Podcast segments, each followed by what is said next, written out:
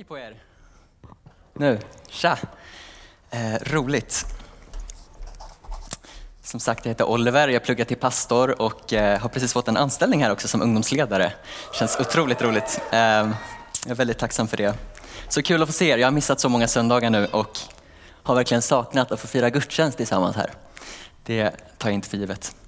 Hörrni, eh, förra veckan så predikade Jessica från första Petrusbrevet 2.9. Det står men i ett utvalt släkte, kungar och präster, ett heligt folk, Guds eget folk som ska förkunna hans storverk. Han har kallat er från mörkret till sitt underbara ljus. Och Jessica fokuserade på det här med att vi är präster förra veckan, och att vi är broar mellan Gud och världen. Och hon sa det att vi kan få bland annat be för andra människor och på något sätt få vara en, en bro eh, mellan himlen och jorden. Eh, men idag så ska jag fokusera på den andra delen av den här versen, nämligen att vi är kungar ett, ett heligt folk av kungar. Och vi ska läsa en lite klurig text. Jag tänker att vi kan eh, ställa oss upp när vi läser den här texten. Bara om du har möjlighet att stå upp så eh, tror jag att vi fokuserar lite bättre. Nu har ni suttit ett tag. Vi kommer gå till Uppenbarelseboken kapitel 21 och vers 22. Och vi hoppar in i texten nu. Det här är precis i slutet av Bibeln, för mig är det sista sidan i Bibeln. Eh, och Uppenbarelseboken är skriven av Johannes. Han lever, han har blivit fängslad, han sitter på ön Patmos. Han är pinad, han är förföljd av det här enorma romarriket som ni kanske känner till. Eh, det här som verkar så fullständigt oövervinnligt. Men där på den här fängelseön så får han en syn. Jesus Kristus uppenbarar sig för Johannes och han vill uppmuntra, han vill stärka församlingarna. Han uppenbarar sig eh, i stor makt och majestät, men han uppenbarar sig också som ett slaktat lamm. Han vill visa, Uppenbarelseboken handlar om att Jesus vill visa vem som sitter på den verkliga makten.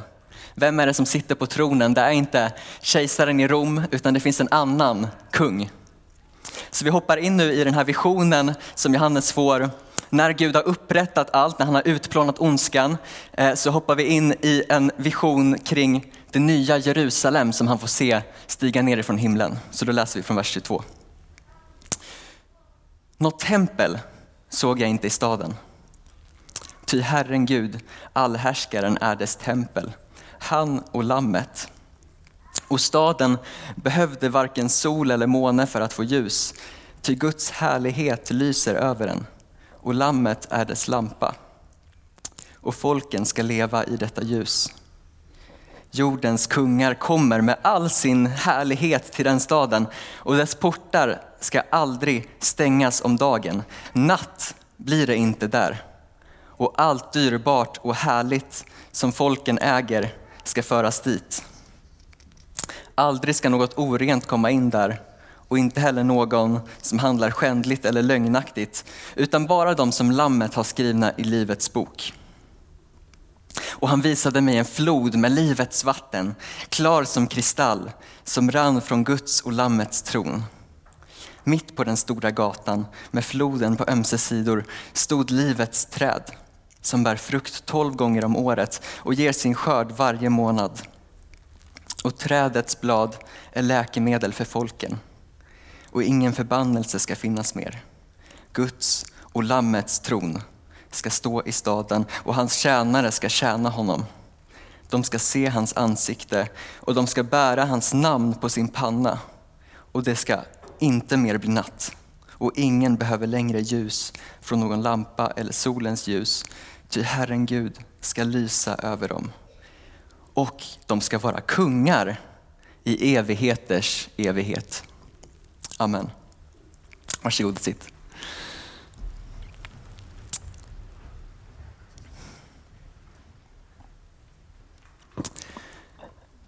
Lite klurig text va, men också fantastisk text.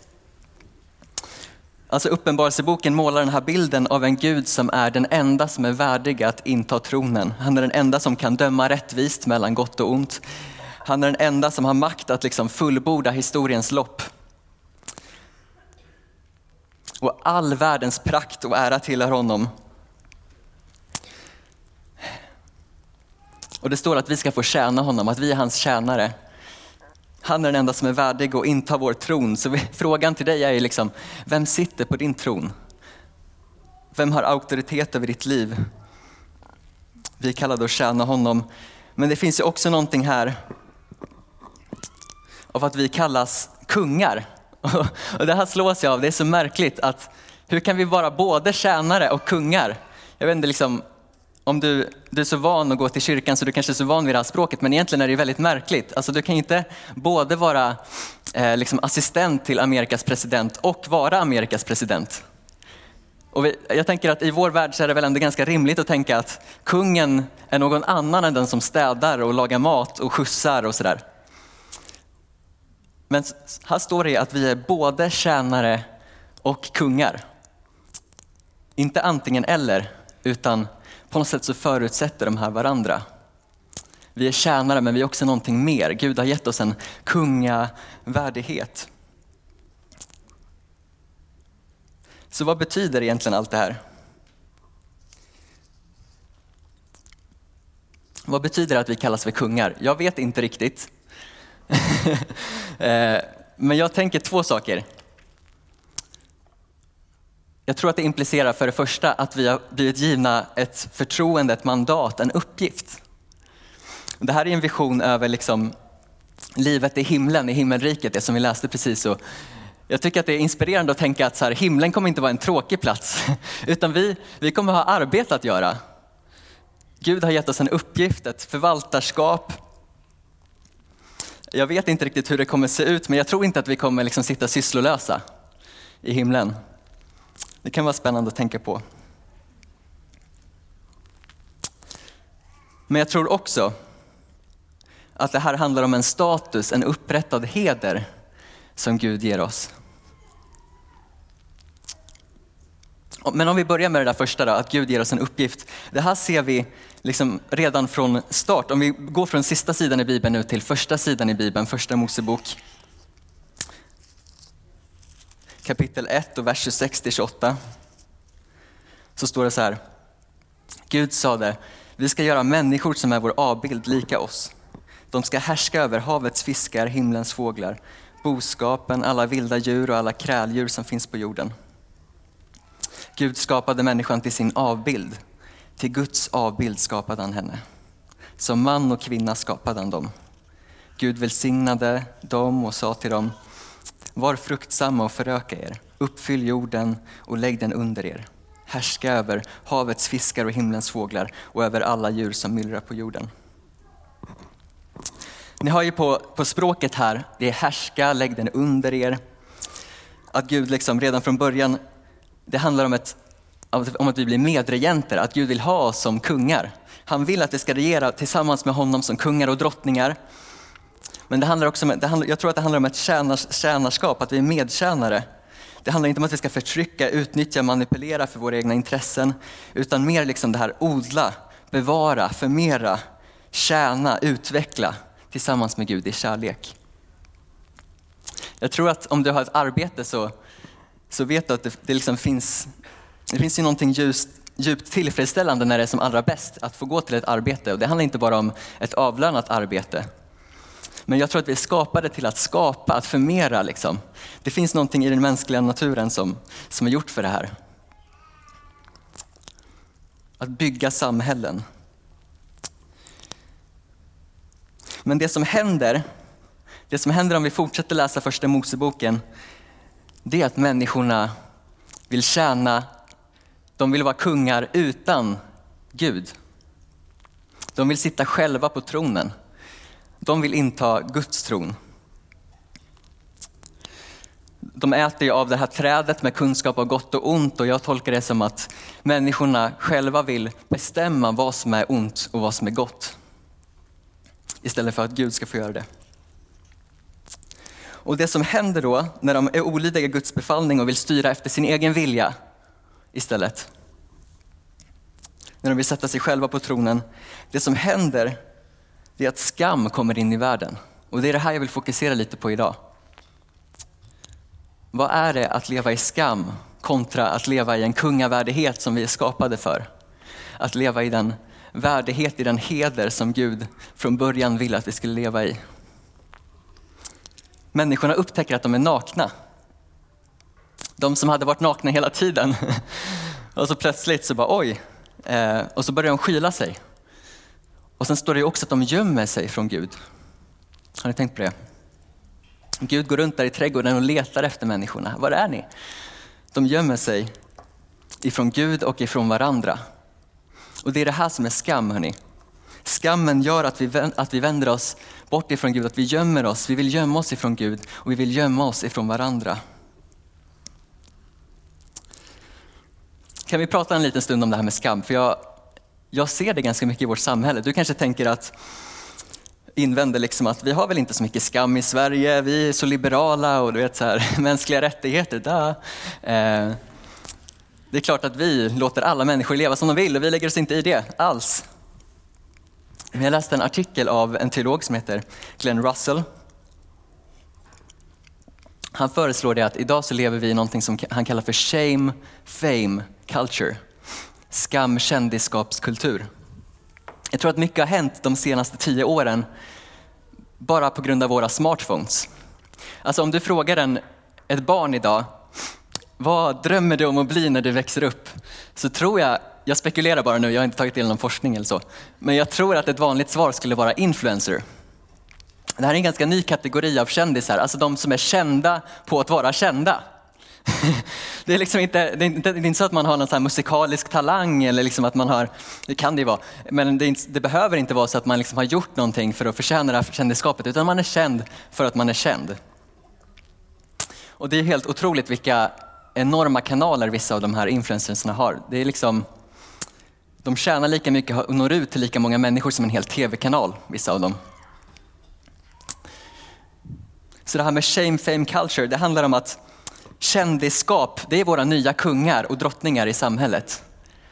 Det är de som står högst i hierarkin. Det är de som blir hedrade. Och baksidan då av den här kulturen där kändisskap blir liksom det högsta, det är skam. Det är skam. Alltså jag börjar värdera mig själv utifrån andras bild av mig, hur många likes jag kan få på sociala medier, vilken status jag har om jag blir inbjuden på events. Har jag råd med alla de här dyra prylarna som marknadsförs i mitt flöde hela tiden? Hänger jag med i de här samtalen som förs i populärkulturen? Har jag de rätta politiska åsikterna? Det är en typ av skamkultur och kanske ett av de tydligaste exemplen på den här skamkulturen det var när den här influensen Margot Dietz, om ni känner till henne, hon laddade upp en video här i höstas där en man ligger utslagen utanför hennes port. Hon öppnar dörren och så filmar hon när hon liksom skrattar åt det här. Att han ligger precis framför hennes port utslagen. Och det här rörde ju med rätta upp människors känslor. Ni har säkert följt med flera av er i den här debatten. Och, eh, under mellandagarna så släpptes ju en, en eh, en, eh, vad säger man? en dokumentär på SVT med namnet, med titeln Kan vi förlåta Margot? Och jag tycker att det är väldigt intressant. Det här var en av de mest visade dokumentärerna under förra året. Kan vi förlåta Margot? Alltså plötsligt så handlar det inte om att hon har gjort ett misstag, att hon har gjort någonting som är väldigt dumt. Som i och för sig, jag, jag ser det mer som att hennes handling är ett uttryck mer för den kulturen som vi har skapat tillsammans. Jag ser henne liksom lite både som en förövare och ett offer i det här. Men i alla fall, alltså förstår ni, det, det handlar inte längre om att hon har begått ett misstag som kan få förlåtelse, utan det handlar om, kan vi förlåta henne? Är hon ond? Får hon vara med i gänget? Eller ska vi utesluta henne? Det är så här skamkultur fungerar. Jag vet inte om du har pratat med din tonåring någon gång, om du är tonårsförälder och sen så försöker du uttrycka liksom det här med att du har gjort fel här. Liksom, du försöker tillrättavisa på något sätt. Ehm, det är ganska svårt att tillrättavisa ungdomar idag för att om du säger du har gjort fel så uppfattas det väldigt lätt som att du är fel. Du är fel. För det är det här som är skammen. Det är fel på mig.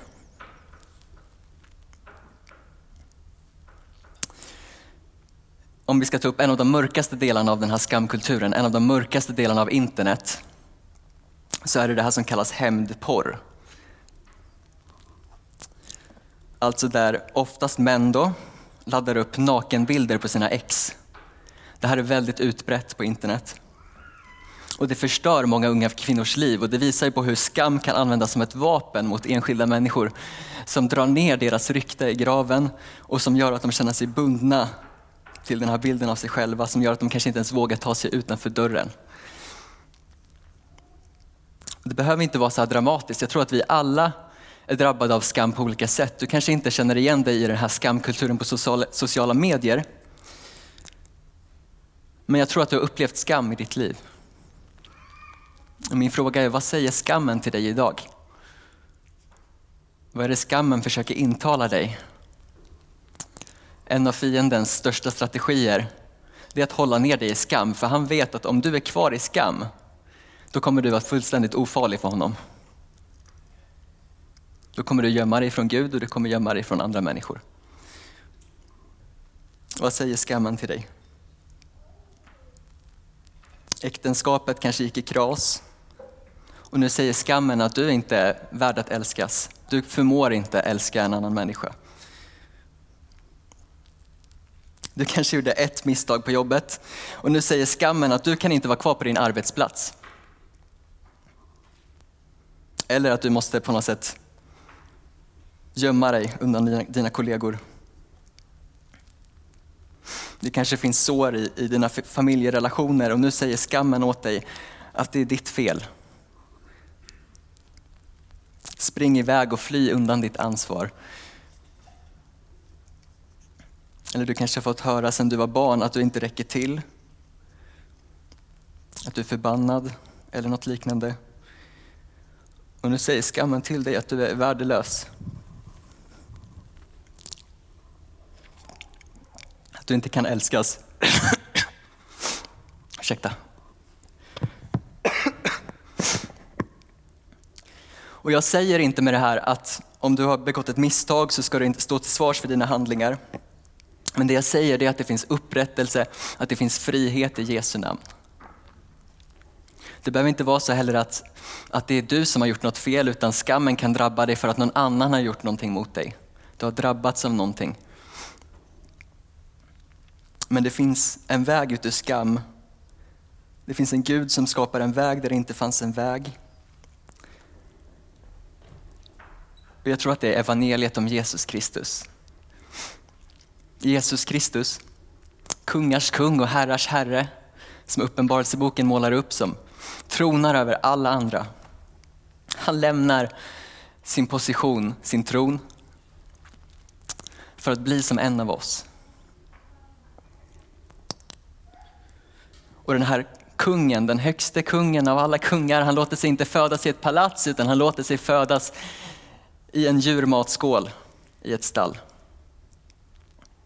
Och kungars kung, han, han väntar inte på att andra ska passa upp på honom utan han lever sina första år som flykting i ett fiendeland.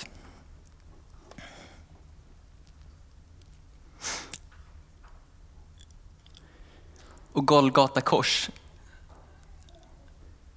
det är verkligen skammen i sin renaste form på något sätt, eller sin smutsigaste form. På Golgata kors så äntrar han verkligen in i mänsklighetens skam när han hänger fullständigt naken. Du vet, han har inte ens underkläder på sig. Det är skammen som är kanske det värsta med, med korsdöden, med det avrättningsverktyget. Han hänger fullständigt utblottad, piskad, hånad, spottad på. Medan de säger, judarnas konung, hjälp dig själv. Liksom. Här hänger han, judarnas konung. Hånad, föraktad. Och på hans huvud så trycker de ner den här kronan. Men det är inte en guldkrona utan det är en krona av törne. Och med blodet rinnande ner på pannan så förlöjligas han. Och det som är så märkligt med den kristna bekännelsen det är att vi, vi säger att det är Gud som hänger där. Det är Gud som hänger där. Det är Gud som hänger där i vår skam. Och evangeliet säger att han tog på sig vår skam. Han tar på sig, han identifierar sig med mänsklighetens skam för att vi ska kunna ta emot av hans ära och hans prakt. Och hans härlighet. Men frågan är ju, kan jag ge upp? Kan jag ge upp min egen status? Kan jag ge upp min brist på status? Oavsett vad det är, om det är mitt livsprojekt, mitt liksom...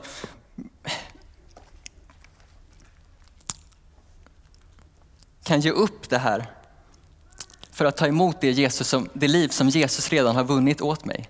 Det liv som Jesus redan har levt för mig. Det, det här är vårt erbjudande. Och det blir mönstret för våra liv. Lyssna, när Jesus rider in i Jerusalem så är det på en åsna, när han rider in för första gången. Men när han rider in i det nya Jerusalem så är det på en vit häst. Jesus levde ett liv där hans ständiga bön var, Fader låt ditt namn bli förhärligat. Han lever som, sitt liv som en ödmjuk tjänare och det blir hans upphöjelse. Det blir hans kröning. Det här är mönstret för våra liv. Vi är tjänande kungar. Vi delar hans förakt för att också dela hans ära och uppståndelsemakt, majestät. Det är det han vill skänka oss. Som Paulus formulerar det i Filipperbrevet 2, vers 2-11. Vi läser det tillsammans. Filipperbrevet 2. Lev i samma kärlek, eniga i tanke och sinnelag, fria från självhävdelse och fåfänga. Var ödmjuka och sätt andra högre än er själva. Tänk inte bara på ert eget bästa utan också på andras. Låt det sinnelag råda hos er som fanns hos Kristus Jesus. Han ägde Guds gestalt, men vakade inte över sin jämlikhet med Gud, utan avstod från allt och antog en tjänares gestalt och han blev som en av oss. När han till det yttre hade blivit människa gjorde han sig ödmjuk och var lydig ända till döden, döden på ett kors. Därför har Gud upphöjt honom över allt annat och gett honom det namn som står över alla andra namn, för att alla knän ska böjas för Jesu namn i himlen, på jorden och under jorden och alla tungor bekänna att Jesus Kristus är Herre, Gud Fadern till ära. Det finns, en, det finns en härlighet, det finns en ära som skiner starkare än solen, som utplånar natten, precis som vi läste i den här texten i början. Där natten liksom inte ens längre finns för att hans ära och majestät så stor och alla kungars prakt ska föras till den staden. Det finns ett evigt liv som vi läste. Livets träd, evig hälsa, läkedom. All den här härligheten den tillhör Gud och alla som är beredda att stå ut hån och förakt för hans namns skull. Och här är jag och vaktar mitt varumärke. Liksom. Vad är jag? En människa, 70 år på jorden typ, till 90 år. Det är det vi har i ett oändligt universum. Men ibland så tror jag att vi har den här bilden av Gud, av att Gud vill trycka ner oss och att Gud vill beröva oss ifrån saker. Men Gud vill inte trycka ner dig. Det kanske är så det framställs ibland till och med av oss som tillhör honom. Men Gud vill, det Gud vill göra är att han vill lyfta upp dig till en position du inte förtjänar. Han utmanar dig att ge upp ditt eget så att han kan lyfta upp dig till en position som inte du förtjänar. Det som verkligen är förtryckande det är de här ömkliga makterna som försöker göra dig till något mindre än vad du var skapad till. Gud vill ta av dig din klädnad av skam, eller som vi sjöng här i början, att han vill ta av, ta av oss modlösheten och klä oss i en, i en dräkt, lovsångsdräkt. Han vill ersätta skammen med en kunglig mantel. Han vill sätta en krona på ditt huvud. Han vill visa dig till sitt bord där det finns en, en plats för dig. Jag ska avsluta min predikan här så lovsångsteamet kan komma upp. Vi ska göra en inbjudan. Eh, och jag tänker att det här är för två grupper. Dels så vill jag rikta mig till dig som behöver få lämna din stolthet du som känner att Gud sitter inte på min tron, utan jag har gjort mig själv till, till kung över mitt eget liv. Kanske kan du märka det på att du, du börjar döma andra människor. Alltså du intar Guds tron och börjar inta den positionen som bara han förtjänar. Då kan du få lämna din stolthet idag, få ge upp den och få klä dig i sann ödmjukhet för att också få ta emot av hans prakt och hans majestät. Hans ära och heder. Men jag tror också att du finns här som känner igen dig i det här med skam. Att du på något sätt är bunden av det. Och mitt budskap till dig är att Gud vill ge dig ett nytt namn. Jag tror att det är till någon här inne, att Gud vill ge dig ett nytt namn. Ett namn som bara han känner till. Som människor inte kan smutsa ner. Han vill kröna dig med sin heder. Han älskar dig. Och han vill rädda dig ifrån skammen. Han vill ge dig en ny identitet. Han vill skriva in ditt namn i sin bok. Så nu kommer bönestationerna öppna och du kan tända ett ljus här på min högra sida. Det kommer vara förbön här nere längst ner i lokalen. Och på min vänstra sida vid korset så kan du ta en sten och jag tänker att idag så kan det få representera skammen om du vill lägga ifrån dig din skam på Jesus Kristus. Det som andra människor har sagt om dig som är felaktigt. Den identitet som du har tagit på dig själv som inte stämmer. Det kan du få lägga ner vid korset idag. Vi ber tillsammans.